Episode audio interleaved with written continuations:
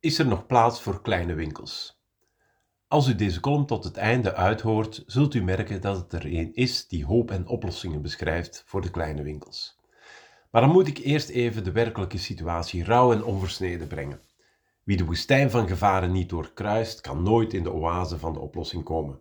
Daar gaan we. Er is al jaren een tendens bezig dat de grote ketens de kleine winkelier uit het straatbeeld drukken. Dat is het geval in elke sector en heeft zeker te maken met macht. De keten verkoopt in grotere volumes en kan daarmee de leveranciers onder druk zetten om te leveren tegen betere voorwaarden dan de individuele retailer kan krijgen. Voeg daarbij andere schaalgrote voordelen zoals het kunnen spreiden van overheidskosten, publiciteitsinvesteringen en inzetbaarheid van personeel en het lijkt erop dat de kleine winkelier geen schijn van kans heeft. Maar nu blijkt dat het voor die grote jongens ook niet allemaal roze geur en maneschijn is. Internetretailers met diepe zakken en een niets ontziende destructieve honger voor marktaandeel, zoals een Zalando, Coolblue, Amazon en andere bol.coms, zorgen ervoor dat de ketens verslagen worden in hun eigen spel door de troefkaart die gemak heet. Het is maar de vraag of ketens zoals CNA, Mediamarkt, JBC, Krefeld, Casa en Bristol en zoveel andere hier zonder kleerscheuren uit gaan komen. Ze zullen in ieder geval serieus aan hun businessmodel en concept moeten sleutelen. Maar goed, dat is hun probleem. Voor de creatieve retailer opent dit perspectieven.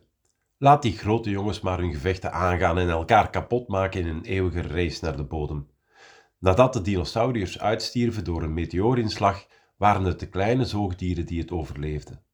Zo kan deze veldslag der titanen ook kansen creëren voor de kleinere winkels en ketens, maar dan moet je het spel wel goed spelen.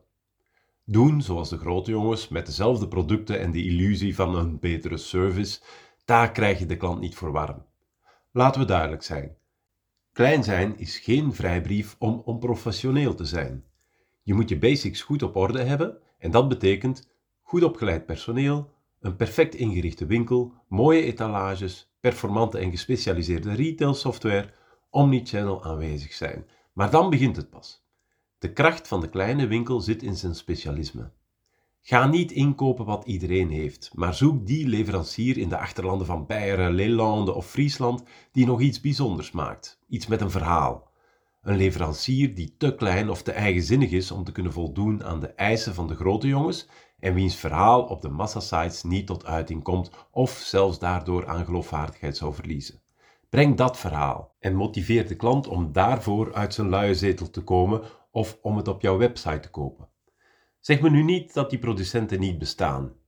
Ik ken zoveel fabrikanten die fantastische producten hebben en die zitten te wachten op retailers die hen begrijpen en die samen iets willen opbouwen. Maar om die bedrijven te vinden moet je wel moeite doen natuurlijk. Dat is nu net de reden waarom anderen die producten niet hebben. Een laatste valkuil waar ik je voor wil behoeden: wees onvergelijkbaar. Kom niet in de verleiding om ook wat spulletjes aan te bieden die iedereen overal kan krijgen. Want als iemand ziet dat jij hebt wat anderen ook aanbieden, dan gaan ze net dat marginale item vergelijken.